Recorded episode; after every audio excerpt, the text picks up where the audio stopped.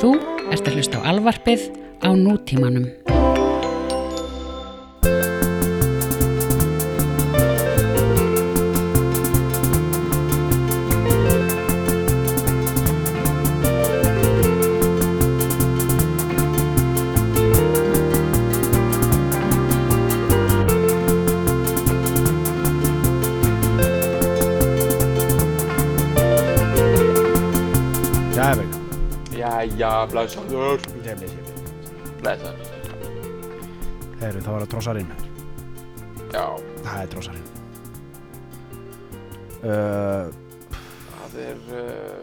Snósarinn ætlar að kofera og trossarinn.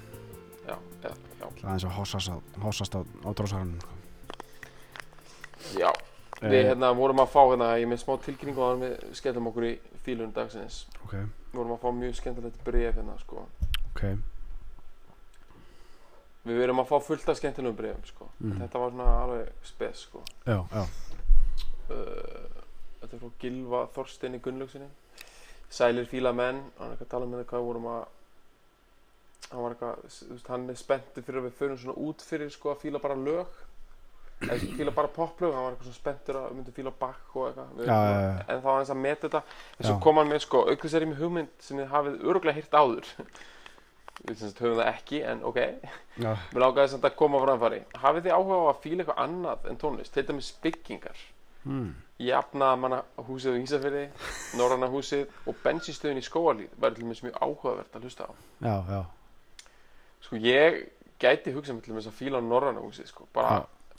tala um það í svona 45 minútur ég er ekki að segja að við séum að hvað fara að gera það undir þessum Nei, það þarf að vera, Parameters. það þarf að vera svolítið, sko, þetta þarf að vera hlaðanar byggingar, sko. já, já, Eins og en Norranna húsið er og, og, og kannski hús verslunarinnar hús verslunar hennar til dæmis, já. Og, ég held hérna, ég var síðast að tjekka það ég er það var alltaf, þessu erfitt að fletta upp hverjir hafa hannað byggingar Mm. hverjir hafa tegnað hús en sko, hérna, Valhöll Mm. hérna, sem er Hálitsbraut já, og hérna, íslenskir aðalverktakarhúsið sem er reyndar upp á höfða þegar maður er að keira inn og út úr bænum já, það er svona brúnt hús, svona smá bógalagað hefur svona smá, svona, tex, svona, svona, svona Texas feelingur yfir því. Eins og eitthvað svona olju hús í Texas. Já, og Lögberg sem er lagadelt háskólans. Já, og, og held ég fokkjuhúsið. Gamla góða já. í kringlunni Já. húsið verslunarinnar ég held að þetta sé allt sami arkitektur. Já, eitthvað sem hefur verið alveg í bara sjóðandi heitur í, í áttunni eða? já, Já. svona sjöunni sko sexunni og upp í áttuna Já, þetta er eitthvað svona old, sko, svona old sjalla dæmi, sko. já, þetta er Þetta er svona Markus Örn íslenskir, dæmi, sko. Svona íslenskir aðalverktakar dæmi það Já, er bara, já. þetta er eitthvað þetta er svo mikið snild sko, þetta er svo mikið sement og steinsteipa og þurr stemning yfir þessu sko þarna hafa menn verið að raða í skjæraskapa. já, og gera rosalega samninga sko, sem tengja setuliðinu sko. þú veist bara hérna varnarliðið var hérna á miðnisæðinni og Já, bara það útbóð sko. bara það að hafa fengið að byggja allar þær byggingar sko. já, þetta hefur verið, ef þú myndir framreikna þetta þetta eru bara, þú veist, hundruð miljardar króna fjárfesting sko. já, og, ákvörðunin um þetta hefur verið tekin inn í svona húsum sko. það sem menn hafa verið með svona þurra röddir sko. Þú veist, Þorsten Pálsson hann er aftur í fréttu núna því hann var að skipta um hann var hætti í sjálfstæðarflokknum já, hann er svo þurra rödd sko. já. Ég mitt. hvað er að tala um Hann er svona eins og, þeir verið líka oft, þetta er oft, sko, svona, þetta er svolítið svona lækna dæmi, sko. mm Læknar eru með svona, svona já, skrauf þurran skolt sko. Já, það er eins og þau séu bara búin að svona, nota bara spritt eins og munnskól eða eitthvað bara svona þurrka sig bara sóttrinsa sig rækilega sko. það tók enga sensa sko. Nei. já, ég elska svona við þurfum að tala meira um raddir sko. eins og ég veit að í Leonard Cohen þegar við munum fíla hann, hann munum við mögulega bara mestu liti tala um bara röddin hans sko, já, ekki söngstíli en ekki rödd þannig, þetta er bara svona, svona í viðtölum sko, já, já, já, já, brakið sko já. Þorsteinn Pálsson er svolítið með þetta og ég tengi það svo mikið við þessar, þessar byggingar sko. Hann er gaur sem var bara í lagadelt háskólans hann er í Lögbergi og svo er hann upp í Valhöll og svo er hann að semja við IAVF hann upp í IAVF húsinu. Já, og svo fer hann í húsverðslunarinnar með einhverjum Já. skjáltu sko að gera einhverjum samninga með þér og bara hann hva- eftir stendur það bara röddir í honum er bara orðin að einhverju hún er bara eins og sement hún er bara eins og íslenskt svona svona alkalí skemmtir í rappöndum sko. hann er samt nettur sko, ég teka fram finnst hann, alltaf finnst hann ógustlega nettur náungi sko. Já. svona, svona mm, nettar en íslendingar almennt eru sko. já, Pálsson sko. já. Ha, ég skilja alveg hvað minna sko svona hann hefur svona, hann gæti hann er með eitthvað ameríst dæmi í sér sko hann hefði getað spjara sig svona í sem businessmaður þú veist í í bara Virginíu sko. já, svona spjara sig sko. Já. Það er alveg geggjað sko. já, bara upp á lukki sko lúkið, röddina og yfirbræðið sko. já, já, áran sko. en heyrðu, ok, já, þetta var svo skemmtilegt bref sko, sem Mhm. við fengum og, og við bara þá, ég held við tökum þetta meira þannig að bara hafa þetta í huga, alltaf þegar Mhm. byggingar byrja að góma og svona, þá skulum við bara ekkert vera halda aftur á okkur og dundrum bara í það og, og getum haft þetta svona í já, og, og fleira skilur, þú veist, bara fíla ímislegt sem tengist, músikinni sko, já, já. Ég meina þú veist, við hefum alveg fílað uh, bíla og já, já, og, og ímislegt svona fylgilhuti sko, fylgilhuti rocksin sko. Ekki spurning sko. en já, við dögum, við dögum þetta. Þetta er, þetta er góð pæling sko, maður taka sérstaklega fyrir einhverja byggingur sko. Herru, ég hérna á minni mann, ég fekk svar frá Einari Kárasinni, já, hann er til í þetta sko. yes hann ætlar að fíla en sko hann bara wipe the windows, bara check the ég, þetta verður mjög gott en hann er með, sko, hann er komið með lag sko, sem hann vil fíla. Ok, við þurfum bara að setja okkur það er, hann vil fíla Diddley sko. yes, bara bódilli við bódilli Já. yes. nákvæmlega yes. Ok. Shit er það ekki svolítið góð það er Frumstöð. svakalegt sko, það er geggja dæmi sko. Geðið fokk sko það er nöðsynlegt að hafa tappað aðeins af frum flöskunni sko. ég segi það sko. Það er maður Ok. sem, sem fíla sig sko, sko, kann að fíla shit sko. Já, þannig að það er á við erum ekki, sem sagt, fyrir hlustendur erum alls ekki búin að taka þetta upp en við erum að svona line upp smá svona fílalag special series. Já, eða þú veist það verður bara partur af venjulega fílalag en þetta er svona, við erum að line upp smá dæmi sko. já, já, Einar Kárasson verður jafnvel gestur og við erum aðeins að gera tilhörnir með Já. það sko. á þess að vík út á ramman sko. Já, við þurfum að halda okkur ferskum líka og svona Já, vera stundum að fá gesti inn og já, já, fólki byrjar að hljóma svo Þorsteinn Pálsson þetta sko. ég veit það sko þurrkur hérna. það gerist á núleitni sko Já, heyri, og svo er það númer tvö, tilkynning númer tvö á við byrjum. Já. Það er live, live fílalag já, einmitt 29. september Já. og við erum hérna, við erum, þetta verður geðveitt, við erum, við erum búin að ákveða lag sko. Já, en við ætlum ekki að segja það sko. nei, nei, nei, nei, það er, það verður upplýst á kvöldi sko. En það verður uh, það verður gott sko. Og það er það verður uh, mjög hérna þetta er eitt mest fíla eitt auðfílanlegasta dæmi ever. Já, og hérna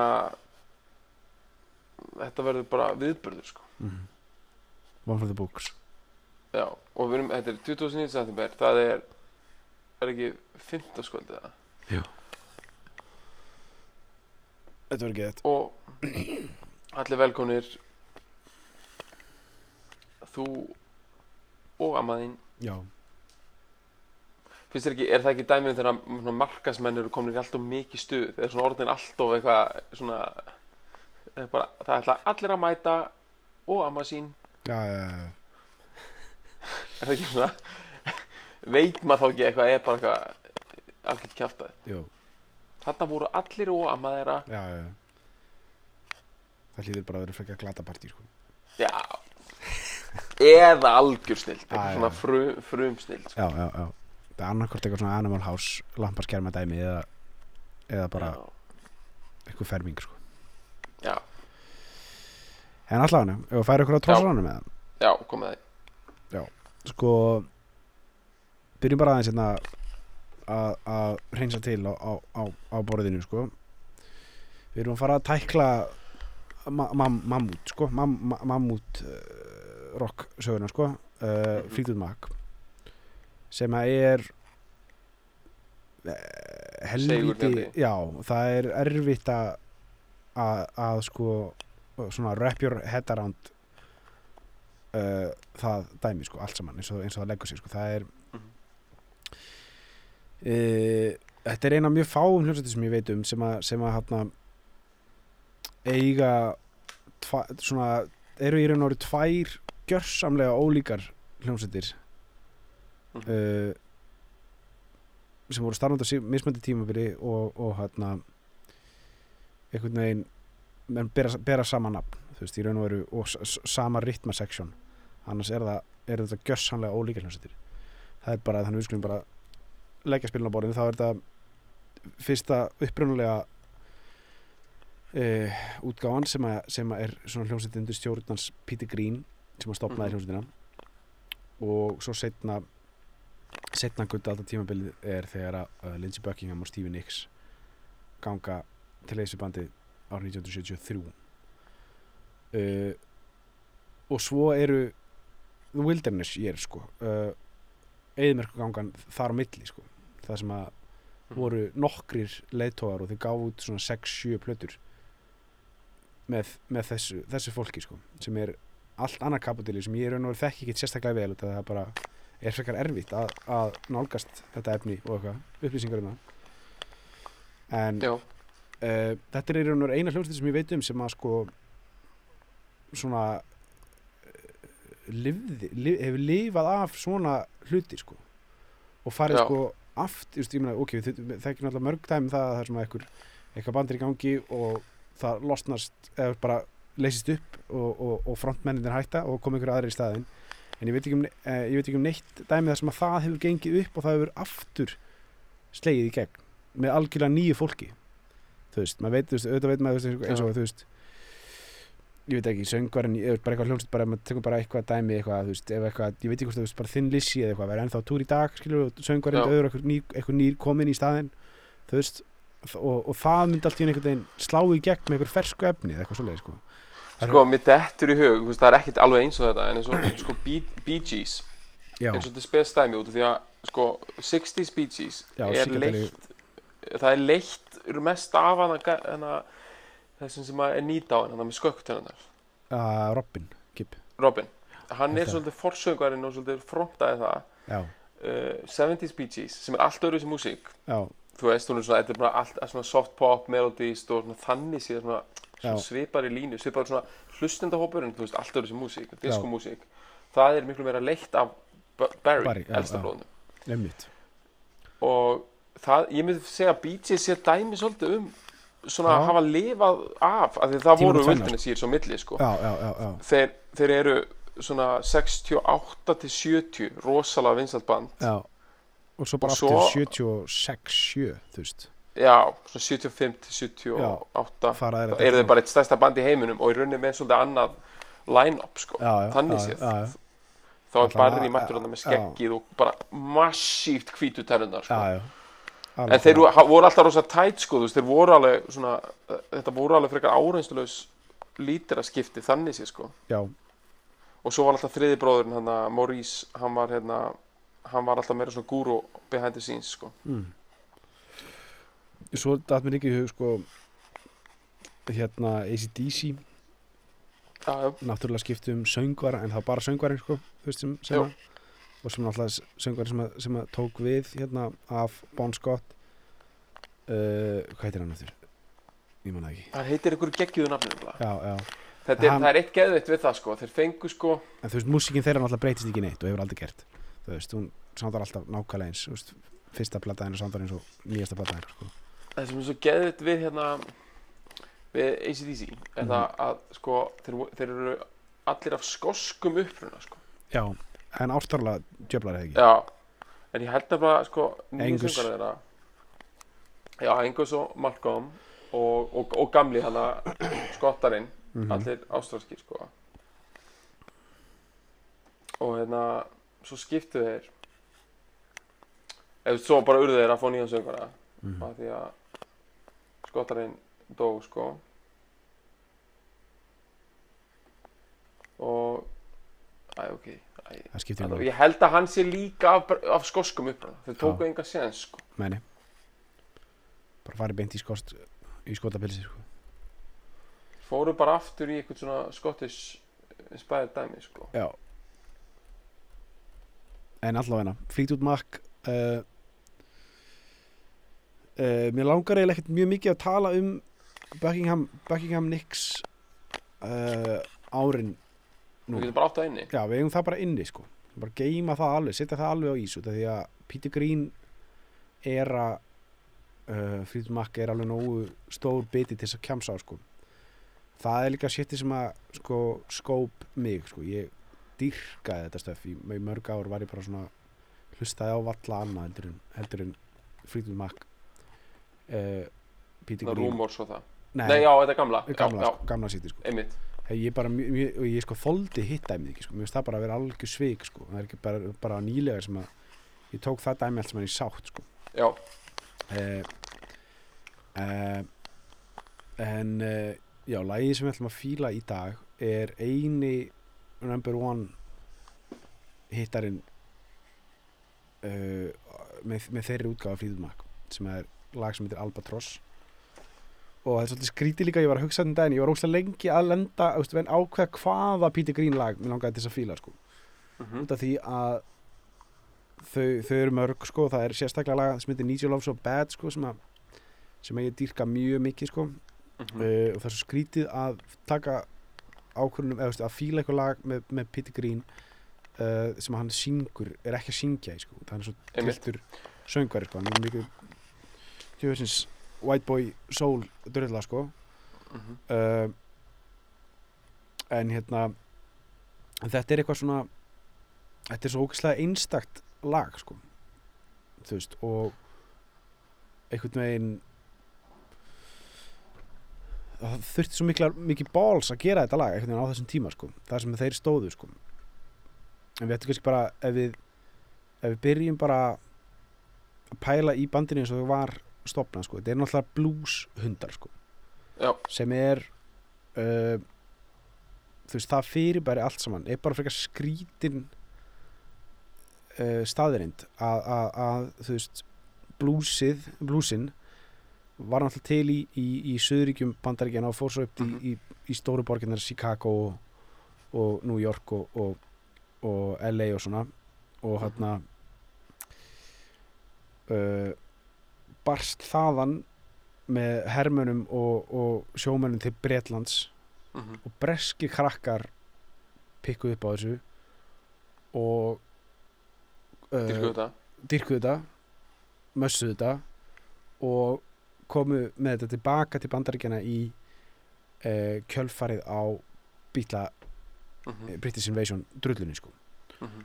og í raun og veru kendu eða þú veist svona kynntu bandarískum úlingum og krökkum uh, fyrir er og skrifa náttúrulega mikið um þetta en náttúrulega það er ekki hægt að horfa með því að stóra ástæð fyrir þetta gerðist svona eru kynþáttafordómar. Já, í bandarækjunum bara það eru kynþáttafordómar í Breitlandi líka og voru þá en þeir eru meiri í já, þeir voru, það var ekki talið eðlilegt að hvíti krakkar getur verið að pikka upp músík svartra beint.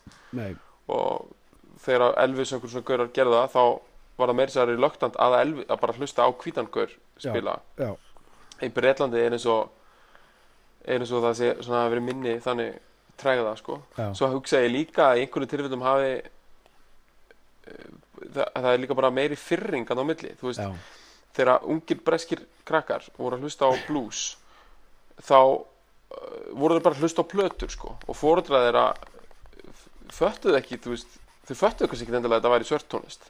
Skilur, það var ekki immediate á milli. Kannski voru þeir alveg miklu kynþóta með alveg miklu kynþóttafordóma en það bara það var ekki jafn mikið tækifæri til þess að uh, nappa á sko. Mhm.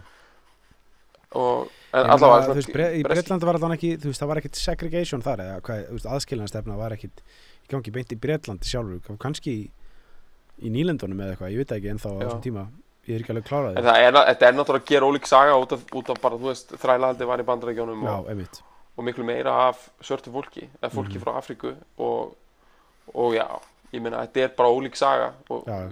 já, ég held að Evrópa sé svona almennt þrátt fyrir þessa nýlendu sögu, það er svona, Evrópa er svona almennt frjálslindari fyrir blöndun kynþátta heldur um bandarækjumenn, þeir eru náttúrulega bara algjörir íhalds hundarandi í bandarækjunum, ennþá sko. Já, já, það er ótrúlega hvað það er þrátt fyrir allt hvað eru ólíkir hópar ennþá sko, Mhm. menningarlega. Mhm, ég held að þetta sé svona ég hef aldrei lesið einhverja heila bækur um þetta tótt, þetta hérna, innrás eða, eða breska blúsin og, og ferðalæð mhm. frá, bandar, frá svörtum bandarækjumönum til breskar unglinga og aftur. En þetta, þetta er örgulega svona, svona stór faktor kynþátt svona tregðan í bandarækjunum tregðan fyrir tónlist að fara á, beint á milli Já. menn í Breitlandi var á minni sko. Já, einmitt, einmitt, einmitt, einmitt og svo er það bara Þetta er sama í raun og veru, þú veist, með þú veist, þegar sko bítlandi kynast kynast soul tónlistinni, sko, sem er svona það er það sem er svona uh, veist, Motown músikinni, sko, það er svona það sem að það er svona opna þeirra dýri að bendið um allan fyrstu árin, sko sko, hvert þeir eiga að fara, sko. Þú veist, fara, Mhm. þú veist, það er svona það sýniðum hvert þeir, þeir vilja fara, sko. Girlgrúpin, svörtu girlgrúpin já, og- fara í þetta svona og- pocket symphony dæmi sko. Já, og bara þetta þú veist, það, og það þeir gátu, svo, svo gátu komið skiljur ég, ég er ekki svo viss um að það hefur gengið skiljur að eitthvað bandarist band segjum sér svo bara að uh, þú veist Beach Boys eða eitthvað hefði verið nokkrum árum á undan og hefði bara farið að spila eins músík eins og Rolling Stones skiljur, bara spila bara svona hreinræktað uh, Dirty Blues Dirty Blue sko. Þá sko út að þið voru bandar, bandarískir sko. Þá myndir ekki hafa komist upp með í bandaríkjunum en út að þetta voru breytar og silly breytar með girly haircut eitthvað. Mhm. þá einhvern veginn þá gátu þeir gert þetta einhvern veginn. Þá kom, kom einhvern veginn gátu þá var hægt að kingja þessu einhvern veginn. Já, ekki spurning sko. En það er þú veist uh, Bretar komast upp með svo mikið. Ég veit það. Og þeir komast líka upp með það, þú veist tala um hann að girly þeir komast líka upp með miklu meiri svona svona transcenda kyn, líka sko, já, ekki bara reis, heldur kyn eins og David Bowie að koma til bandarækjana þú veist, einhverju svona einhverju svona transpælingum sko. Já, veist, það, fólk var bara, hann er veit þeir eru svona maður. Já, ég held að sé svona, en, ég held að sé ennþá þannig. Já. er það ekki, er maður ekki alltaf svona eitthvað smá svona ostrasæst í bandarækjunum ef maður er með einhverju svoleiðis spælingar Jú Ég held það sko. En það er líka það, það er líka sko að fyndi að horfa á þetta hínum einn fara á, þú veist, af hverju voru þessir ungu hvítu bretastrákar að tengja svona mikið við, blúsin sko? Þú veist, hva, hvað var það? Þú veist, hvað er einhvern veginn, það er, ég það, það mætti vera það mætti, þú veist, ég hef oft pælt í því hvort þetta sé sko uh, út af því að þetta er ekki út af þetta er nýtt sko þú veist, mm fyrir þeim er þetta alveg glænýtt og þetta er eitthvað sem fóreldrar þeirra skilja ekki þú veist, -hmm. fóreldrar þeirra hann að baby boomersana í, í Mhm. 60s sectioni sko uh, voru, voru ekki að hlusta blues sko. Þú veist, þeir, þeir voru að hlusta music, music hall og, og jú, big band jazz, þú veist, Glenn Miller og, Mhm. og, og, og þannig dót og náttúrulega þetta krúnerana sko. Já, þeir komu sko. En, en hérna en bluesin var eitthvað sem að, sem að, sem að þessi krakkar áttu fyrir bara áttu, áttu, áttu ein skilur þú veist bara Mhm. og, og hérna uh, kannski bara svona svipa og líka út þetta er þú veist, einföld músík þannig séð þú veist. Já, hún er einföld að, að svona uh, svona hugmyndafræðilega er hún einföld sko. En þú veist það er mjög, mjög er, erfitt að spila blues vel sko. Það algjörlega en þetta, þetta hendaði fyrir nýjustu tækni líka. Hérna, ramaskítar og svona Já, nýtt dót já, og blues virðist, virðist henda vel fyrir það og mm. ramagsgítar og, og ramagsbassa og Mhm. það sem var bara einmitt. nýtt. Einmitt, Ramasbassin er fundin upp eitthvað tímann í kringum bara 60 og- bara 60 eða eitthvað, bara þú veist, fimm- Já. 59-60 og kemur bara strax einhvern veginn inn.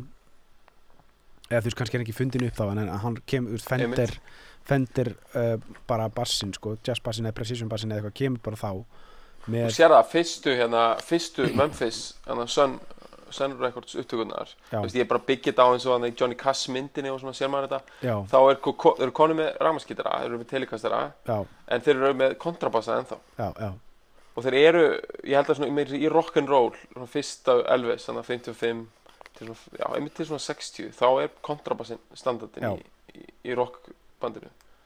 Mm. Bill Haley and the Comets og eitthvað svona, þetta er allt einhverju gaurur stórum jakkafötum með já, stóran bassa sko. já, já, svo kemur þetta inn sko, svo er þetta þetta er bara líka, þetta er auðvitað það líka bara tíma, tímadæmi líka skil, þetta er bara einhvern veginn réttur tími fyrir þetta og eitthvað, bara svona small sko og þessi gaurar, þessir, þessir Freedom Mac gaurar þetta eru, þetta eru uh, John McVie, Mick Fleetwood Peter Green og svo þessi gaur sem heitir Jeremy Spencer sem var svona hinn söngvarinn. Jeremy er Spencer, já, Þetta er bara eh, eitthvað svona kúluhattanafn sko. já, já, algjörlega. Hann var sko svona 1.50 og uh, var Svona Charles Dickens já, svona, svona, eða svona eins og svona, svona í Charles Dickens bók er eitthvað svona alltaf einhver svona sem að fekk ekki nóg já, fekk ekki nóg að borða. Sko. var eitthvað svona orphan. Jeremy er Spencer Jeremy Spencer, eitthvað svona geð mjór og bara samt fá, svona well mannered sko. já, já. Hann, þetta er hann sko.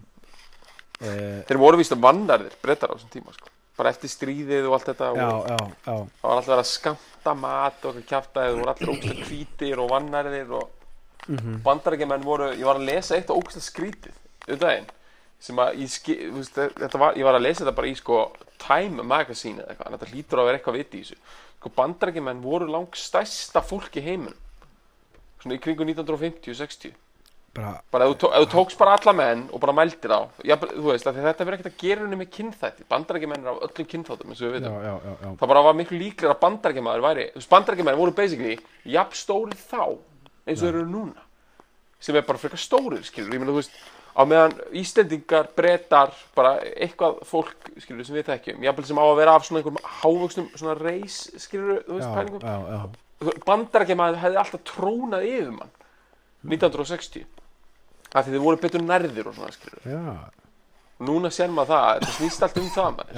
Það verður að segja að kynverar séu litlir, litlir og eitthvað, þú veist, ef kynverar ef flyttir til bandarækjana eða Kanada, þá eru börnin þeirra ekkert lítil sko. nei, ég sé þetta bara hérna, þú veist, það er bara gaur sem ég þekki, þú veist, hann er bara hann er kynver, sko, ógeðslega stór sko. að um bara, hann er, hann er huge sko, mm. 1.95 eða eitthvað. Og maður er eitthvað, já, ok, svolítið spes, ég held að kynverar eru litlir, svo sem maður bara, þú veist, mamma og pappi þau eru, þau eru ekkert stór, sko.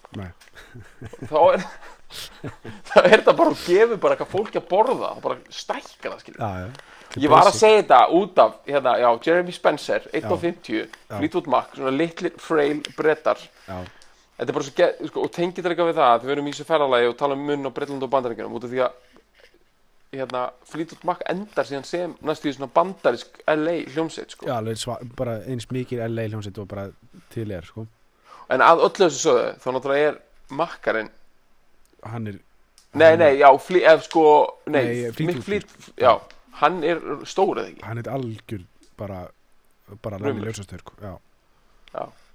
uh, og já þeir verða til þeir, ver- þú veist það verður til þessi, þessi sena í kringum svona uh, 60 og 2, 3 fjögur fer hún að springa út búin að vera kraumandi í dæmi sem heitir það er svona nokkri svona pæjónírar breski pæjónírar, hvernig heitir Alexis Corner uh, og John Mayer svona tveir svona gaurar sem er búin að vera með Alexis, Alexis Corner var með, með hana, uh, hérna hljómsveitir sem heit Blues Incorporated og John Mayer var með Blues Breakers. Og það var svona, þetta voru svona skólar sem að, í hana, Blues Incorporated þar komu hérna það, í, það, í því voru Mick Jagger og Brian Jones og, og Charlie Watts. Mm og úr því var, úr því var Rolling Stones og, og John Mayall uh, Blues Breakers þar þú veist þar í raun og veru sprakk það út þegar, þegar Eric Clapton gekk í það band sko var gítarleikari þar það byrjaði þetta Clapton is God dæmi sko Já. og þegar Clapton er í því bandi í svona tvö ára eða eitthvað og, og, og fers og, og allar fer eitthvað til Morocco og finna sig eða þú veist, reykja hass og við hann við, við honum tekur Peter Green sko. þegar Eric Clapton hættir þá tekur Peter Green við. Og þegar Peter Green hættir þá tekur Mick Taylor við. Þetta er svona, þetta er svona þannig dæmi þetta er svona algjör svona gítar blues hetju rugl þú veist. Og Það er eitt sem ég fatt, og þeir eru allir bara eitthvað 19 ára og já, já, allir bara mjög, það er algjör í þessu sko. Heyrðu, það er eitt sem er langar bara að skjóta inn í, við erum búin að taka Erik Clapton fyrir aðeins, mm -hmm. eða bara að slatta að við tókum læluna. Mm með Derek and the Dominos -hmm. sko, hérna Erik Clapton hann svo, hann var svo ógeðslega dýrkaður Mhm. bæði þarna og líka alveg vel áfram sko. já, ég, ég fatt, það er eitt sem ég fatt ekki sko. svo dýrkaður ná ekki ég, hann, svo, hann gefur svo lítið af sér Þú veist, ég veit alveg hann er góð gítarleikari og jú, þetta er eitthvað já, þetta er alveg mér, mér finnst það persónulega ekki neitt ógeðslega passionate sko. þetta er meira svona klinikal já, sem er alveg flott. Ég bara skil ekki hvað þetta gaur sem gefur svona lítið af sér getur verið svona dýrkaður. Mér finnst ekkert samræmið að á milli. Nei, af því að gaurar, hann er dyrk þú veist, Erik Clapton var dyrkaður bara að næstu því á einhverju svona bara Michael Jackson leveli. Bara, og, og Michael Jackson er gaur sem gaf svo mikið af sér að hann breytti um kyn og kynþátt skilur já, já við skilur hann bara hann gjörsanlega Hann gaf geyfi- allt. Já, hann gaf allt. Hann var Já. Michael Jackson endaði sem ekki, ekki manneskja undir lokin. Hann var bara orðin að einhverju einhverju E.T. drullur sko. Já, og, veist, og í samræmi við hvað hann dyrka finnst mér svona hvernig maður vera svona samræmi Já, Erik Clapton bara got off easy sko. Bara, mjög, hann Já. er bara hann er svo, núna ég meina hann er okkur 70 eða eitthvað hann er svolítið eins og hann hafi bara átt ógeðslega þægilegt hafa unnið ógeðslega þægilega innifinn alla æfi, bara Þetta er- unnið hjá þetta er svolítið gott point sko Ég, ég myndi var bara, ég var í meðlabúðum daginn og heyrði hann að Cocaine með Erik Clapton Mhm. þú veist, sem er þannig dan, dan, dan, dan, ég hugsaði bara bara þurftiru í, í alvörunni að semja þetta lag? Þú veist, í alvörunni. Þú veist, þetta, er svona, þetta er svona þetta er svona uh, 70, á- þú veist, þetta er svona late 70s, early 80s Já. eða jafnvel setna, þetta er eight, late 80s eða eitthvað. Og ég bara svona já, gast ekki, gast ekki sleppt þessu lagi þú veist, í veist, bara, þetta er allt of basic. Dan, dan, dan, dan, eitthvað hérna cocaine, she's so mad bara þetta er svo mikið þessi tilgangslegs þurftir að koma með þetta lag þú vissir að það myndi gera þetta lag það myndi slá í gegn, þú veist. Já. en þurftir að gera, það, þú veist, hvað þurftir að segja frá þetta, þú veist, þetta, Þetta- þurftir þetta lag að vera til? Hann er í þessum bælingum hann, þú veist, hann er hættur að túra eða það var ekkert frétt fyrir nokkrum árum. Já. og hann er röglega byrjaðar aftur bara út af, þú veist, old habit sko. En hann segir, þú veist, að því hann nennir ekki að vera á flugullum Mm. þú veist, ég veit ekki, þú veist, ef einhver poppar er eitthvað byrjar að bara segja eitthvað svona í viðtölu segja hann. á þeim er eitthvað, æ, ok. Já, þetta er ekki fyndið lengur. Já, og líka, þú veist, em- þá er mér eitthvað, ok þú veist ég ok, það er alveg eftir, verður alltaf eftirspunni eftir þér Mhm. en af hverju ætti maður að dyrka mann sem er eitthvað æ, ég það er svo leiðilegt að flugull leiðilegt að flugull þetta er er eitthvað sem maður sem vinnur hjá tryggingamiðstöðinni getur sagt, skilur já. æ, Já, ég eitthvað þú veist, þú ég bara, ef þú ert að vinna einmitt, þú ert bara traveling salesman, þarf bara að fara okkur þú veist, einhverja, ráðstefnir í Orhús bara á, Já. þú veist, tvekja mánuða fresti, einhverja skrauð þurrar og þá, því finnst liðelt að ferðast. Ok, en ef þú ert Já. einhver, einhver, einhver jet God. set rock god mætir og gerir dan, dan, dan, dan, dirrlirrli, og eitthvað cocaine, eitthvað Já. kæftæði og það, er eitthvað of mikið álag þú veist, já, þá ættu bara að endur skoða það. delið. já, það er málum að bara flugullir eru mest, eru mesta álag sem hann lendir í.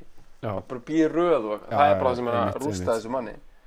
Einmitt En uh, check. Green, að- þetta er Já. ágætið segva inn í það, hann náttúrulega, hann, hann gaf mikið af sér, hann hakkaðist. já, ég sko aðeins verið sko, ég tók sko, ég var að lesa nefnilega ástæðan fyrir ég veit keira í trossara núna, þetta er búið að vera lengi á listanum sko, það er, ég var að lesa sjálfsæfisögu mikk frítút sko Já. Eh, og út frá því fór ég svolítið mikið að horfa aftur á okkur svona og fór að checka á YouTube og svona á, á, á grínaranum sko og hann er bara, hann er ekta sko, hann er alveg hann er bara gefur, veist, hann er sturlaðir performer sko, veist, hann er ekki beint með eitthvað svona, eitthvað að spila á gítarna með tönnunum eða reyfa sér mikið en það er bara Það er mjög það, það er djöfisinn sál hann sko. Og hann líka kláraði sig sko. Veist, það er það þarf að, að, að nefna það sko. hann, hann, hann stimplaði sig út sko. hann hefur verið já, bara á allmakið já um, var hann ekki, var hann ekki skitsofren eða? jú, hann var það. Hann er það sama og hérna, David Gilmore nei, Sid Barrett. Sid Barrett segi já, þeir fóru, Sid Barrett, bara, þeir fóru mjög svipaða leið sko. uh, bara ok en, við skulum en við förum alveg beint í það þá skulum við bara förum að við þetta já þarna þessi, þessi uh, Mick Fleetwood og John McVie uh, John McVie og, og, og Peter Green voru allir saman í Bluesbreakers John Mayer Bluesbreakers og, og Peter Green hættir og sannfæri þá tvo um að hætta og stopna með sér hljómsveit sem að hann sem er svo skýrð Peter Greens Fleetwood Mac. Mhm. og svo er Peter Green hend uh, þau gefa út plötu bara nokkur mánuðin setna og hún slæri gegn sko, selur alveg ógeðslega mikið og bara, bara og þau verða bara, bara, strax í gang ógeðslega mikil mikið success sko, og þau bara fara að spila mjög mikið og eru bara, þetta er akkurat þannig að þetta er heldur 67, vorið 67 Mhm. og þá er bara, þú veist, þá er krím að koma í gang og, og þú veist, bluesdæmið er bara, þú veist það er alveg, og, þú veist, fullt af líka svona böndum sem að, veist, er ekki mikið talað um í dag eins og, eins og 10 years after og, og hérna uh, fullt af einhvern svona breskum uh, böndum og þeir náttúrulega byrja líka í bandaríkjunum þú veist, þetta byrja að Mhm. koma bara áður náttúrulega Led Zeppelin er, að er, að- er að fara að stíga sín fyrstu skref og það, þú veist, Jeff Beck uh, dæmi allt saman og hérna, og í bandaríkjunum er að koma hlutir eins og Cantít og, og hérna uh, uh, uh, ég meina ekki, ég er ekki með þetta er, jú, hann var Grateful Dead og svona þetta og, og San Francisco senan, sko, þú veist, svona Já. þessi extenduðu og, bara, og, og Creedence og og allt þetta dæmi, sko Mhm. uh, og, og Doors og svona uh, og þeir koma hann og þeir eru með þetta purist blues dæmi, sko, þeir eru bara með það er ekkert, það er ekkert þess að myndi, myndi, myndi veist, þetta, er ekki rockmusík eða neitt, sko, fyrst þegar þið byrja, þá er þið bara að spila blues, þeir eru að spila Peter Green s- er mikið að vinna með svona, svona, B.B. King-leg uh, svona svona, or, uh, svona mjög soulful blues sko Fílar þú þannig? Mm. Straight up mm, sko B.B. King hef ég aldrei fílað sko en ég, ég hlusta náttúrulega mikið á þú veist ég er, ekki, nei, ég er ekki mikið fyrir þannig en þú veist, hans versjón af því fíla ég mjög vel sko. Hvernig hann tæklar þetta sko. Já, já, já. En ég er náttúrulega að pæla bara, veist ef maður, er komin út í svona purista blues, sko mm. og hlusta einmitt á einhverju svona og fara á svona blues hátíðir og eitthvað. Það er náttúrulega blues hátíðir eins og jazz hátíðir og það er eitthvað lið eitthvað. Já, já, já, mér finnst það vera bara eitthvað svona algjörst ungstræti fílunar. Það enda bara í einhverju ruggli sko. Já, já, það er alveg satt sko. Þú veist, ef þú ætlar að vera eitthvað blues puristi sko ætlar að vera eitthvað með strákonum að blúsa Þú veist, það er bara Þú veist, þá bara don't quit your day, day job sko. Það er bara Þú veist, það er bara Það er bara Það er bara kaninuhóla sko. Þú ferð ekkit Þú veist, það er ekkit Það er ekkit þetta getur líka þetta getur alveg svo leiðinlega sko. Ég veit það, þú veist, það er ekkert veist, það er líka það sem ég var að reyna að segja á hann það er Blúsin er er sko ein- einfaldur hugmyndafræðilega en það er ekkert leiðilegra og ég reyði mér fullir að eldur en lélegu blús sko. Já. það er ógeðslega leiðilegt að hlusta á leiðilegt blúsband spila sko. Já. uh, og, Já, og, sammála og þeir eru en þeir eru að gera þetta með strax koma bara með, eru mjög bara eru með hjarta á réttum stað og slá strax í gegn, þegar Peter Green er með þessi svona meira soulful dæmi og, og svo Jeremy Spencer er með, með svona slide gitar blues Já. mikið stílaður að hann eða svona mikið byggður á, á gaur sem heitir Elmore James sem er svona Chicago blues gaur, hann, er- hann í Mhm. raun og veru er bara að stæla bara, hann spila lögin hans bara eiginlega nákvæmlega eins og er bara svona eitthvað svona impersonator af honum sko mm -hmm. uh, og þetta kombo einhvern veginn er bara geðið vinsælt og þeir gefa strax út aðra blötu sem gengur fínt og, og selst allt bara frekar vel og bara gengur mjög hratt og, og, og mjög svona hröð þr- þróun. Og þeir fara strax að túra í bandaríkjónum og það gengur fínt og uh, þeir selja bara mjög vel og verða bara mjög fljótlega eina af stærstu hljómsveitum í, í Brellandi sko, bara veist, það Mhm. gerist bara mjög hratt. Til dæmis bara árið 1968 þegar, þegar þetta lag Albatross kemur út eru þeir sko að selja meira af plötum heldur en bítlanir og Rolling Stones sko. Þeir eru það stórir, þeir eru huge veist, á þessum tíma og það var gert svona, það var gert svona year end uh, eitthvað svona, svona árslisti fyrir Melody Maker og sem er að tala Mhm. og, og listaði niður lagahöfundar ársins það bara Lennon McCartney Jackie Richards, Peter Green þú veist, þeir voru Já. alveg ógeðslega vinsælir og þetta er eitthvað sem maður kannski áttast ekki beint á í dag þeir eru ekkit sérstaklega líka út, af því að setni tíma Fleetwood Mac skikkir svo mikið á þetta dæmi sko, svona fyrir, það er fyrir rétt. almenna hlustanda skilur. En Peter Green, hann, þarna var hann bara eitthvað að skoða blaðið og var bara ekki að höndla pressu Já, hann sko þóldi þetta ekki sko, hann þóldi uh, hann þóldi ekki það að hann væri orðin svona vinsæl og Hvað mér finnst það ég, ég, skil, ég skil ekki þessa pælingu sko, og þetta er eitthvað svona og hann, hann var líka sko hann í raun og veru, það sem að fá mest í töður á hann var að hann var orðin svo ríkur. Það böggaði hann svo mikið. Hann böggaði hann svo mikið að hann fekk allan hann pening ofan á þetta. Þetta- er Þetta er alveg búið í dag. Já, já, Þa, Það er engin svona. Nei, nei, ég, veist, Það væri svo hressandi ef það kæmi núna eitthvað svona, eitthvað nýtt eitthvað svona, þú veist, á Íslandi, bara Aron Kahn er að slá í gegn og hann myndi bara svona bara ég hata að vera vinsæll. Ég hata, já, hætti að hlusta á það. Af því að það er eins og í gamla dag hafi allir verið í þessu sko. já, bara, hvað er fokk, hætti að hlusta á mig? Já. hætti, ég hata að vera vinsæll. Já. Nú er bara ógeðslega vinsælt að vera vinsæll sko. já, og fá, fá aðtigli frá aðtigli frá fjölmjölum það er bara, þú veist, það er bara heitast að heita að vera heitur sko, í dag sko. já, og bara gera eitthvað bara eitthvað, eitthvað fókin kæft bara eitthvað rugl eitthvað svona bara, það er allir bara konur í eitthvað svona maturiðslu kæft sko. já, bara segja frá einhverju Æ, þú veist. Ég veit Peter Green, ef hann hefði verið beðin um eitthvað um í eitthvað eitthvað Sunday Telegraph eitthvað að segja bara frá eitthvað að segja frá hann að ljótustu flíkin eða eitthvað svona kæft að já, Já. hann, hann hefði bara skellt á sko. já, og, og, og bara, drepið eitthvað sko. já, hann hefði bara reyður sko. En svo er eitt, svo er eitt í þessu sko, sem ég veit að þú mynd fíla sko. Mhm. Það gerðist aldrei í, í munn hérna sko.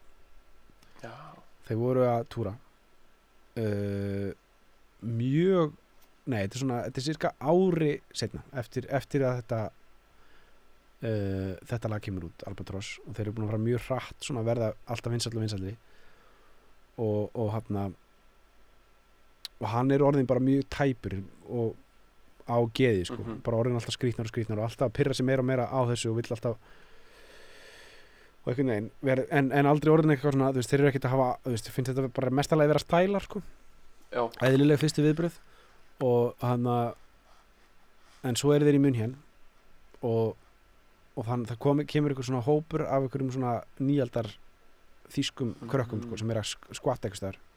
Já. og gefa honum rækilega í uh, rækilegan uh, síruskamt í, í, í, í hausinn sko. Mhm, og hann hverfur bara ykkur þrjá daga og kemur tilbaka og þá er bara eitthvað svona bæ, bæ, Mick Fleetwood talaði um þetta hann og, og John McVie voru, voru sammála um það að eitthvað hefði breyst þarna. Þannig að það var bara eitthvað svona eitthvað svona, eitthvað svona digg, það er gerist það sama með sitt bara þetta, um að síðast það var Já, eitthvað, já. það var eitthvað svona eitt sírutripp sem, sem allir voru sammála bara ok, þarna breytist eitthvað þarna, núna er hann núna, næ, núna bara eitthvað, það er bara eitthvað aug, augun á honum voru öðruvísi eftir þetta já, og hann bara kom, til, kom tilbaka og var og svo þegar hann kom inn, inn í bandið aftur var hann að hann kraf, tók eitthvað svona mjög erfiðan band meeting sko, þar sem var að uh, reyna að samfara þá alla um að afsala sér öllum peningum sínum og gefa þetta til góðgerðamála bara. Og, já, og þeir, bara ættu, þeir ættu aldrei að þjána aðra krónu. All, allir peningur sem þeir myndi fá myndi fara bara beint til góðgerðamála shit, hvað Já. þeir bara gerðu þetta ekki. Nei, bara í svona stærra samfélginu já, sko, að því að, eða, þú veist þetta meira að því að, eða, Mick Fleetwood já, hann er sko hann, ég sá viðtala hann um daginn í Mm. Top Gear eða mm. það er fyrir svona fjórum árum já.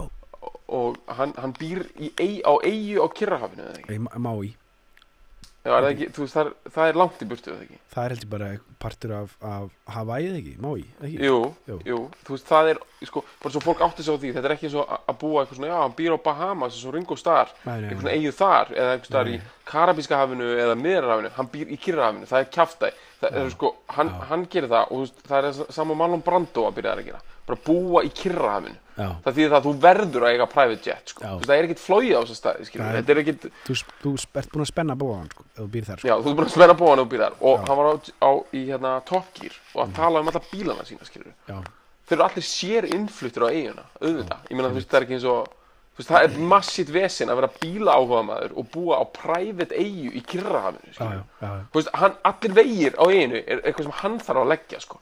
Hann er bara sj- sjálfur með eitthvað samfélagana svo hann getur leikið sér. Já, og hann er náttúrulega sjötugur eða eitthvað en hann Já. er með ógeðslega hvítatennur og, já, já, og svona, hann er röglega að taka HGH og eitthvað svona gróðhormón já. hann er einhver svona að besta sjálfan sig og svona, via, hann er svona Viagra slegin allur, sko. Já, já, hann er það sko.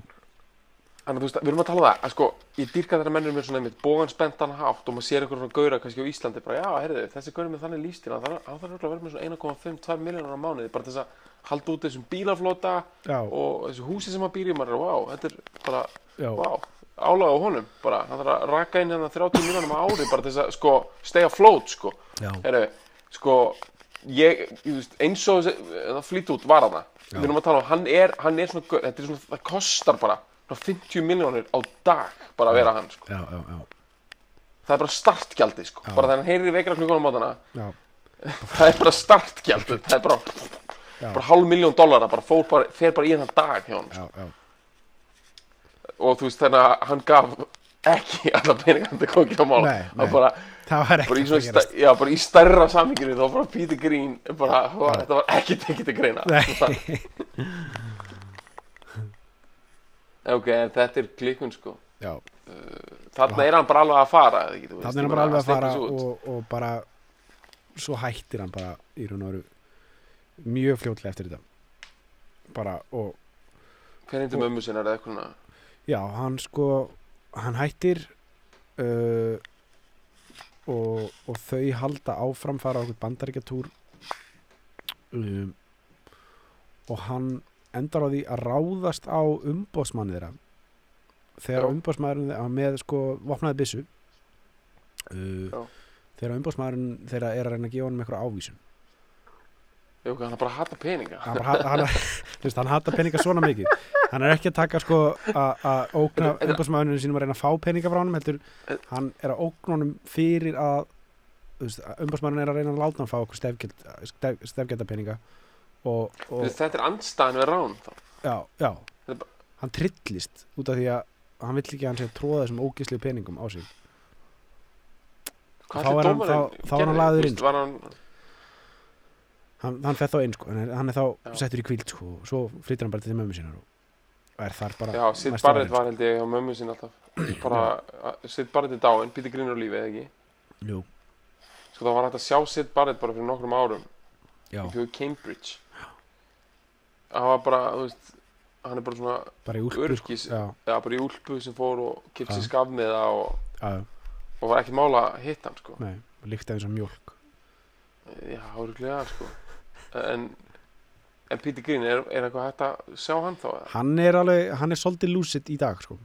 það er alveg hægt að tala smá við hann sko. Hann mætir í útvarsvitur já, hann er svona aðeins búin að spila aftur og eitthvað svona. En þú veist Manstu þegar við sáum hann að Manstu ekki með mig við sáum hann að Daniel Johnston? Jú, jú, jú Já, já, hann er svona gaur sem er svona semi svona trillað upp inn sko. Já, já, já. Einmitt ég man alltaf að það var að taka manstu, þau voru, að- þau voru að covera back in the USSR Já, og hann var alltaf svona hálfum takti á undan. Já, það var alltaf svona, bandi var alltaf svona aðeins og eftir og það náði ekki, alltaf þegar það fór að rétta sig af eitthvað við hann, þá fór hann þá flýtti hann sér undan. Það það er snildin við þetta það gott sko.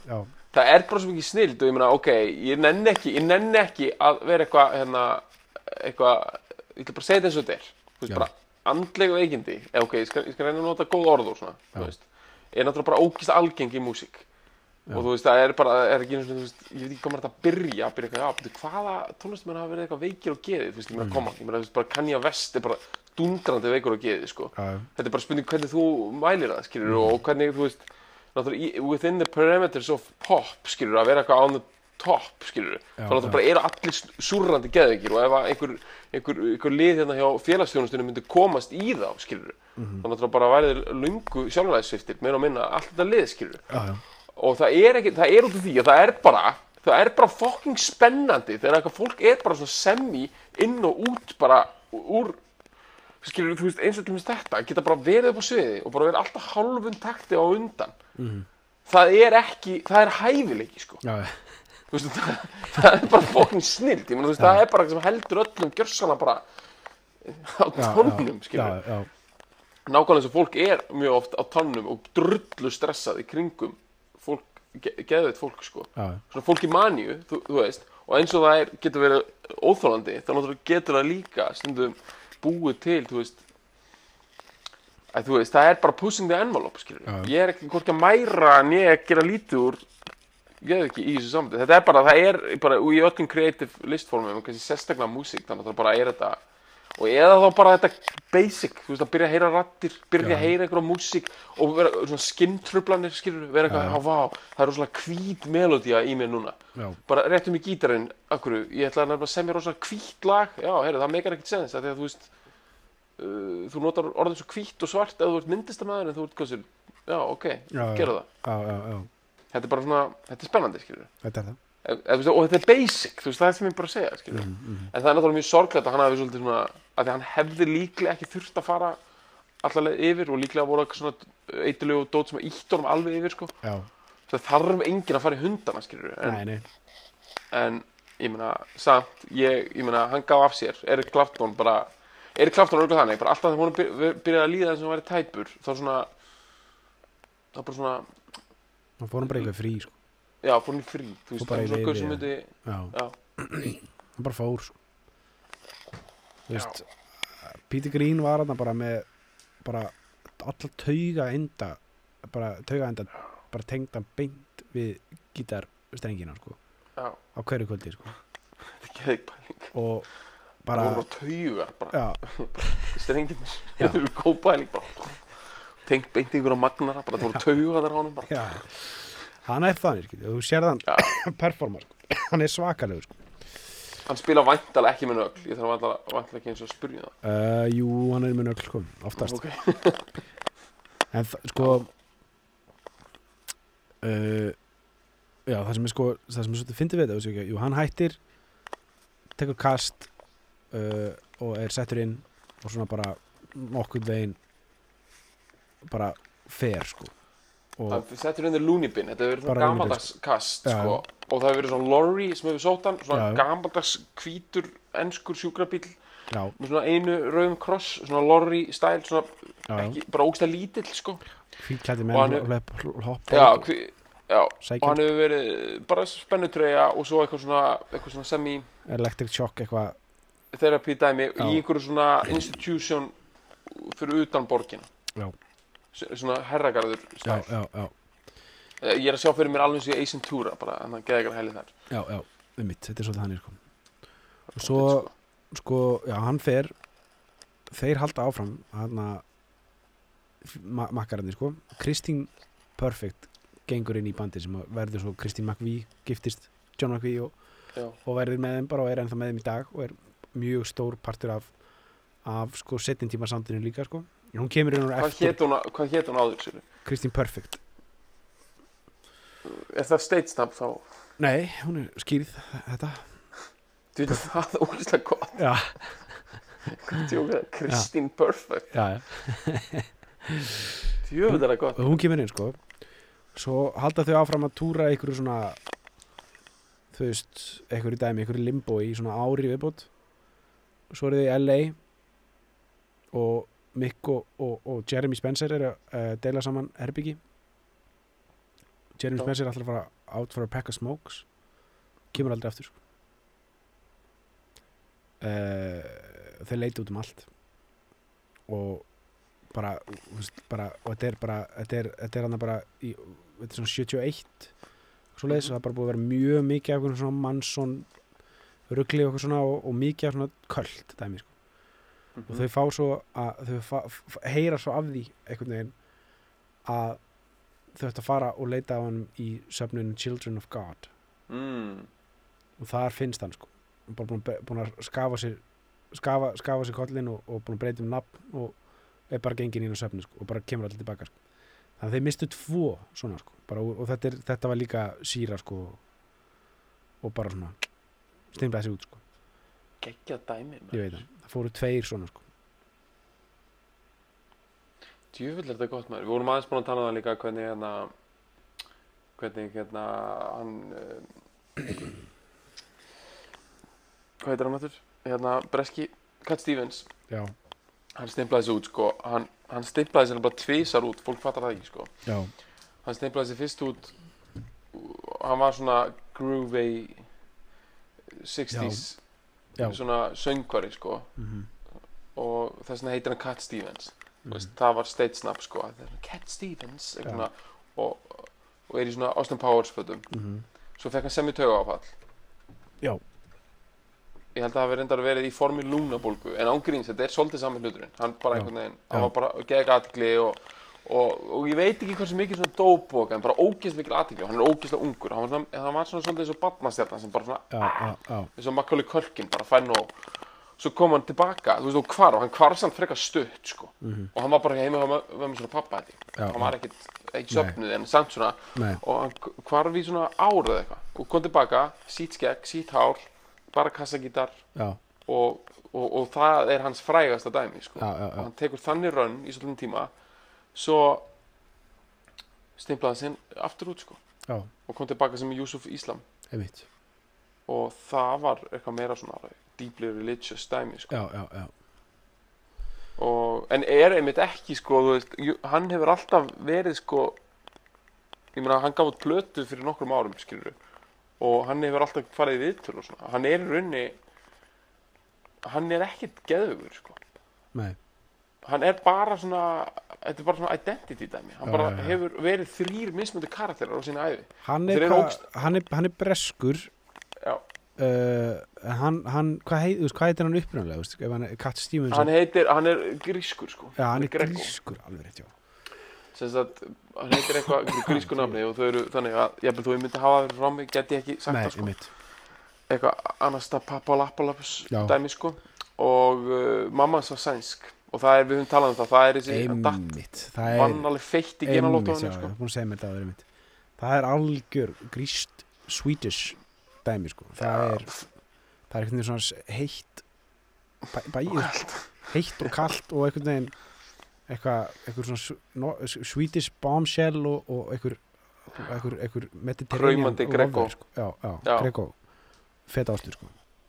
Það er ógeðslega gott dæmi og svona alið upp í einhver svona bresku svona orðingsku sko. já. Og hérna en það er svo klikka skil að því að hann er greinilega eitthvað svona frekar tæpu nági en hann Já. hefur samt einhvern veginn náð að vera bara þrjár alveg heilar mismunandi personur já, þú veist, það er líka til. Já, um, já, einmitt. En hvernig er McVie, hvernig er hann svona hann er svolítið eins og McVie er urrandi basic guður, sko. það er, Mhm. fer, fer allir meðlega sama uh, að fara svona, þú veist, það er bara allir saman það hann er illa basic breskur uh, lager já, já, og lagerinn fútból deli sko, bara alveg basic sko, sko Mick Fleetwood var sko, hann skoplaði upp í nefið á sér. Bara veist, með bara fægiskoplu sko, í, í tíu ár sko, eða svona, nei, svona 30 ár í alvegurinn, frá svona 70, frá, sko þegar, þegar Lindsay, Lindsay og, og Lindsay og Stevie ganga í mandið 75 til um, allavega 2000 var hann hérna að sig sko. Fleetwood Já. en McVie aðeins minna McVie aðeins minna sko. það var, þetta var mest, mestu kókausandi voru, voru uh, Mick og, og Stevie sko. Já. Stevie skóplaði mjög grimt í sig og- en hún endaði, hún, hún fór svona endaði rehab og svona og Mick held velli sko, allan tíman sko. Herru, tölum smá um peninga hérna af því að ég hérna var bara rétt að googla John McVie bara til að sjá hvernig hann lítur út í dag Já. og það er bara flott en ég sé að þú veist, ef þú skrifa bara John McVie þá kemur strax upp net worth sko. Þú veist, þetta er algjört samt, ógeðslega mikið hérna, gisk sko eða, þú hann, já, hann fór, það sko, hann fór tvisvar á hausin 50 miljónir hvað segir já, en það, það gefur upp 50 miljónir sko. Það er Það er mikið sko. Já, það er mjög mikið. 50 miljónir dollara, það er sko já, fyrir Það mann er sem er ekki skráður fyrir mikið, mikið af hérna, af höfundarétti sko. músikinni Nei. Einhver bassaleikari, Hvað segirðu? hann var bassaleikari eða ekki? Mick Fleetwood Nei, hann er, hann er tróma Nei, ég er, nei, ég er að tala um John McVie, sko. Ég er búin að vera að- tala um hann allan tíman. Já, ok, þú ert að tala um Já, ok, já, er, já hann er í 50 Já, hann er ekkert skráð fyrir miklu heldur, eða hvað? Nei, nei, nei, nei. Flý, En Fleetwoodin, sko Fleetwoodin er öruglega ríkari, sko Bæði, út, út, hann var sko managir Hann var umbóðsmaðurinn þeirra Nei, heyrðu, hann fann miklu minna en það. Já, það er, það er, er gjaldrótin, sko Hann fór sko fyrst í gjaldrót 82 sem er eiginlega það er samt hann, sko, sem á þessa bíla á þetta sem ég er að tala um. Já, já Hann sko, að hann, hann, spenni bóan sko, svo svakalega sko, hann hefur, hefur gert það alla tíð sko, síðan hann fekk pening sko, síðan þeir eruðu me megastars hann setni, setni part sjöunar Mhm. þá bara er hann búin að spenna bóan svakalega sko. hann til dæmis mjög, mjög, mjög fyndi sko, rétt áður en hann datt í, í gjaldróti sko, fyrsta þá uh, eru, þau eru, þá eru flýtum makt nýbúin að gefa plötuna hann Mirage sem er bara frekar Mhm. stór plata á búin að túra heiminn og að og ákveða að fara bara í pásu og að alveg, alveg hreinu þau eru að fara í pásu í svolítið tíma og hann er búin að spenna bóðan ókast að hátt og er að skopla í sig og svo brjálæðingur en ákveða að fara til Afríku í eitthvað svona, þetta er svona, þetta er klassíst svona jaded rockstjörnum dæmi að fara til. Afríku, eitthvað svona finna the rhythm of. Africa, eitthvað svona og taka upp með lokal tónlistamennum það var ógeðslega margir dotti í þessa klísju, þú veist, það er bara Já. bara, þetta er endalust sko og hann fer hérna og, og hann veit að bara hann er að stefni gjaldrót bara bókaldarinn er búin að segja hann bara þú, þú ert að fara, þetta, er bara, það mun koma því bara mjög- fljótlega að það verður kötta á, á, á kortið vísakortið og, og, óþægilegt. og hann er bara, fer samt með einhvern vinn sinn með sér og, og hann ákveður á, í flugstöðinni uh, í, að bara hýþró að kaupa sér eitt Rolex svona, sem svona last fuck you Já. og gerir það Hann smetli hefur að verið eins og hann að Sammy Davis Jr. já, hann er, hann er algjör spólbrætt sko. Sammy svo Davis Jr. var bara, hann var- hann er eitt mestu örnir músiksögunar, sko. já, já, En hann var alltaf gjaldróta, hann var bara í stöðu gjaldróti, aðalóta úrfík. já, Hann keipti sér bara, hann bara nokkur úr á dag, sko. já, Rolex úr á dag. Þetta er svo ógæða erfitt. þetta er svo gott sko. hann hendi Ok. þetta og fer s- til Afríku. Og svo gera hann svona mest pirrandi rockstjöndum kókain kjaftaði sem ég veit um, hann fer hann það og svona og, veist, skrifar um þetta í bókinu skrifar hann eins og þetta hafi verið eitthvað svona eye-opening experience en þetta er samt svo mikið bullshit. Hann fer hann það, kaupir þetta úr, fer svo til Afríku og svona kynnist neyðinni í Afríku einhvern veginn. Já, og í því einhver svona dramatísku mómenti á einhverjum bar mölbrýtur hann Rolex úrið sem eitthvað svona, eitthvað svona statement um, gegn sínum XS veist, sem er alveg fáranlega glata, glötu leið til að gera það. Og- og svo fer hann bara einhvern veginn beint í gældrút bara húrrandi á hausinn sko. Lélegt statement, sérstaklega, hann hefur náttúrulega aldrei staðið við neitt, ég meina hann er bara að Nei. eyða geða ykkur núna. Meni. En það var, var the Excess dæmi, sko. Mm -hmm. En þau voru með hana, að þú veist, Live 8, nýja Live, Live 8 drastlið, sem var svona 2008 eða eitthvað. já, Og það var eitthvað svona verið að taka lofslagsbreytingar þar, sko. já Á meðan þetta fyrra var eitthvað, veist, hungur. mm Minn minnir að það hefði verið dæmið, en þetta var svo ógeðslega mikið kjaftaði. Mhm. Það var einhver grein sem byrtist um þetta, einhver leiðar í einhverju blaði sem var vera að útskýra, þú veist, að fluga allir inn á einkáðutum. Fyrir þetta. Þetta var, þetta var bæði í Philadelphia, London eh, og já, já, eitthvað Washington eða eitthvað. Þetta var einhver þremur borgum. já, Ógeðslega mikið production. Og hérna, og þú veist, ég man ekki hvað það var radio þetta eitthvað sem komu bara allir í þóttum. já. Þetta er fucking fáið þetta, í alvöru. Yes. þú veist, þeir eru að koma skilur, þeir eru, þú veist ó, það er svo miklu fátar bara einhver einn að koma frá Barbados, þú veist, einn að koma frá einhver annari eigu já, bara leigðar mismunandi fucking jets undir allt þetta lið svo það geti spilað einhver einhver tvö fucking en- environmental friendly lög þannig í fylli, sko, ógeðslegt sko. bara búin að taka eitthvað fucking kólefnis trail bara, já. bara eitthvað bara hækkuðu, bara hittast í jarðar um eina gráð bara til að flytja sér lög, sko Ég dýrk þetta En náttúrulega, já, það er að við, tök, við sko, ég held við tökum Mac aftur, þannig að setna dæmi Þá Já, tölum við tökum meira svona um excess dæmi, sko já, já. En þeir hérna, eh, förum, förum bara að, að læginu Albatross aftur. Albatross bara þannig, það er máva tegund, ykkur. Mhm. Það er stærsti fugli, eða sko, það er náttúrulega ekki stærsti fugli í heimi af því að það er vantilega strútur eða eitthvað djöð en Já. það er stærst, það er ha- hérna það er með mesta vænkamið Já, af öllum fuglum, já ég held það að því strútar eru náttúrulega bara með eitthvað stubba sko já, já, Albatross er með uh, þetta eru metrar sko já, ok. Shit. þess vegna getur hann flóðið svona hátt sko Uh, og þetta er, þetta er instrumentalag, sko, sem að, þetta er fyrsta, er þetta ekki fyrsta instrumentalagi sem við tökum? Jú, Ég held það. Nei, Ég manna ekki, ég held það. jú, jú, ég held það sko já, já. Uh, en þetta, þú veist, það er það er mjög, það er meika mjög mikið sens að þetta lag heiti Albatross þetta lag svífur sko. hóverar. Já, það það sko, já, það glætar um, um loftin blá sko. Bara frá, strax frá fyrstu fyrstu, fyrsta tóni sko. og ég veit eiginlega ekki um neitt, neitt annað lag í popsögunni sem býr yfir mikill í ró og þetta lag sko.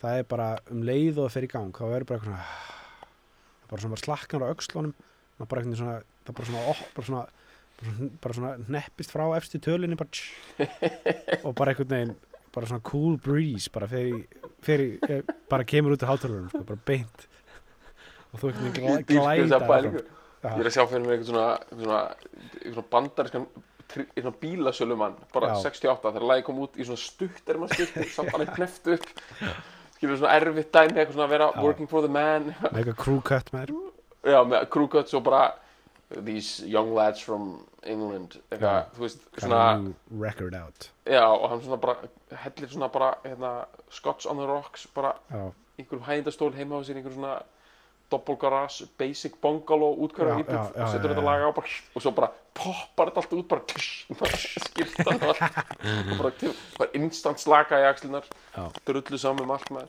það er sem ég er að segja á það með tauga endana sko. Já. Það er mjög uh, þetta er mjög gott dæmi um, um gítarleik og gítartón Peter Green, þetta lag sko. mm það er eitthvað það er eitthvað sturlað við það hvernig þessi maður spilar á gítar og það er allt í einhverjum dítelum sko. þetta er ekki þú veist, það er eins og við erum að tala um Clapton er með sko tæknilegu tæknilega trillingin sko, Clapton, svona menni svo Clapton og, og Jimmy Page og, og, og svo leiði sko Já. svona bara eitthvað dundra út einhverju, einhverju, einhverju brjálaði sko og svo eru menn svona eins og riff, riff gæjar sko Já, og svo eru svona menn eins og, eins og, eins og Jimi Hendrix sem eru með geðveikt showmanship sko, og mikill svona mikill svona stæll, þú veist en Mhm. þetta, Peter Green er, með, er að vinna með eitthvað skonar hreinan tón sko. Mhm. hvað, hvað, kalla, hvað heitir þetta aftur hérna hvað heitir þetta aftur í hérna heimsljósi Ég er Hor- að- hérna kraftbyrtingar hljómur Já, einmitt. Þetta er það sko, þetta er bara, það er þessi, þessi hljómar hérna, þetta, þetta, er, þetta er það sko, þetta er bara Hvernig hérna gear er hann með? Þetta er þetta er, er Stratocaster sko sem hann er að nota hana er ég alveg nótt. það er, það er, lamp, lampamagnari já, þetta er Stratocaster í, í orange magnara sko. Ég er, ég, ég bara, ég er freka vissum það sko Hann var- hann var með orange sko, hann var alltaf með orange en hann var annarkvæmt með Les Paul eða, eða Stratocaster sko. En þetta Mhm. hljómar er svo Stratocaster sko. þetta, þessi dæmi þarna spilar hann á alla gítarana sko. Held ég alveg öruglega hann er, það var hann að komin inn í bandið strákur sem heitir Danny Kirvan sem var átjónara ekkur gítar sjeni sko sem var svona svolítið færði þarna voru þeir fann að fara frá þessu pjúrista blues dæmi yfir að fara aðeins að spila semja meiri rockmusík sko. Uh, og svona að gera aðeins öðru seldur en bara blues. Og, og, og þegar Pét- Peter Green og, og Danny Kirvan byrja að vinna saman þá Danny Kirvan var svona einhver brjálaði bara aðdándi hans sko þannig að þeir, hann imiteraði hann og þannig að þeir unnu núkslega vel saman í að gera svona rattaða gítar eins og heyrist ógsta vel í þessu lagi. Mhm. uh, en ég veit ekki hvort að það sé eitthvað meira um þetta lag að segja sko ég held að þetta sé bara að það sé bara pop the car bara, bara hella í einum ísköld ís, bara, bara einhvern hræ ódýrt viski yfir mikið klökum sko. bara þannig að þetta verður vel vassblandað og ískalt. Já. þú veist, við erum að tala um eitthvað svona svona eitthvað svona viskitegund sem að þú bara svona veist ek, kannast ekkert við þegar þú sér flöskum í, í ríkinu. Og bara hvað, hvað er þetta, bara eitthvað svona mjög, og helst í eitthvað svona lítum pela sko, hella því úti yfir Hérna klaka úti- fullt glas sko. Ég get, það hérna, í ríkinu hérna, það er Já. ríki hérna sem er náttúrulega alveg steikt hérna, það er sko svo mikið Canadian whisky, sko. já, já, já. Það er eins og þetta væri mjög gott með Canadian whisky sko. Já, það er samt sko, það á að vera, þú veist, þetta er ekki, það er ekki bourbon, sko, þú veist, þetta er bara whisky og á að vera, Já, já. náttúrulega, er ekki whisky af því það er ekki frá Skotlandi eða frá Breitlandi, en Já. það er ógeðslega ódýrt, sko, já, út af því að, út af einhverjum svona tolla ástæðum og eitthvað. já, Þú getur keift bara whiskyflösku hérna á svona 20 dólar, Canadian Club, já. Stóra flösku, 7 og nei, nei, það er ekki það, nei, það er ekki það. eitt heitir Canadian Club og svo er Já. eitthvað annað, eitthvað Best Alberta whisky, þetta Já. er bara svo fyndið, þú veist, þetta öll lönd eigið svona, einmitt. svona, þetta eigið skít ódýra dæmi, sko. mm Það komið að þessu sko. Setjum þetta í gang sko, það er bara máfurinn máfurinn sveim um loftin blá Reyndar, ég getur skotið einu inn. Já. Örstutt, sorry. Ok, Það var Nei, bara því ég var að glemja Þú veist að hérna Einn frægasta hippabók Allar tíma Svona Ef að þetta er svona Músíkin Sem að Já, fólki hlusta á Það var litteratúr í gangi líka. Það er bók sem kom út á svipum tíma Sem heitir Jonathan Livingston Seagull. Já, já. Og það er hérna um einhvern svona máf Þetta er algjört fokkin Þú veist Hipparung Þessi bók sko. já, já, þetta eru bara máf sem allt einu bara byrjar að hugsa, ég ætla að hérna, borða til að fljúa í staðin fyrir að fljúa til að borða þetta Já, er semi self-help bók sko. já, Sem, þetta er svona poetic self-help hippa já, blómabúða bók sko. en hún kallast mjög mikið á þetta sko. og hún glætar sko. þannig að bara, gaurinn að það bílasölum hann er nýbúin að kaupa sér þessa bók líka sko. allar eitthvað allar eitthvað að reyna að ná managerstöðu í já, bílaumbúðinu sko. já, já, já. og, allar svona, sí, svona síkreta þess tíma veginn. Já, þetta er smá þannig sko. bara hendi trossarinn í gang og Já, lætir sér dreyma sko. já. Það er það sem er að gerast.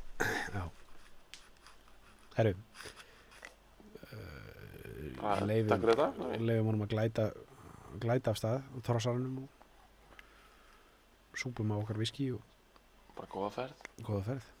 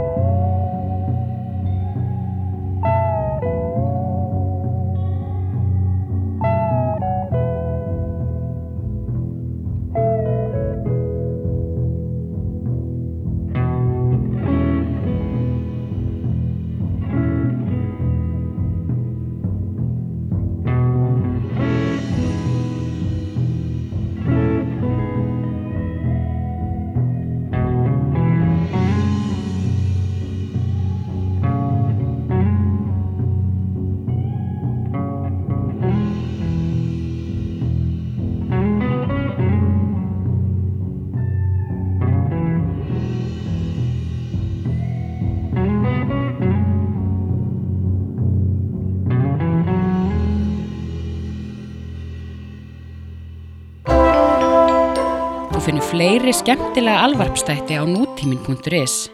Takk fyrir að hlusta.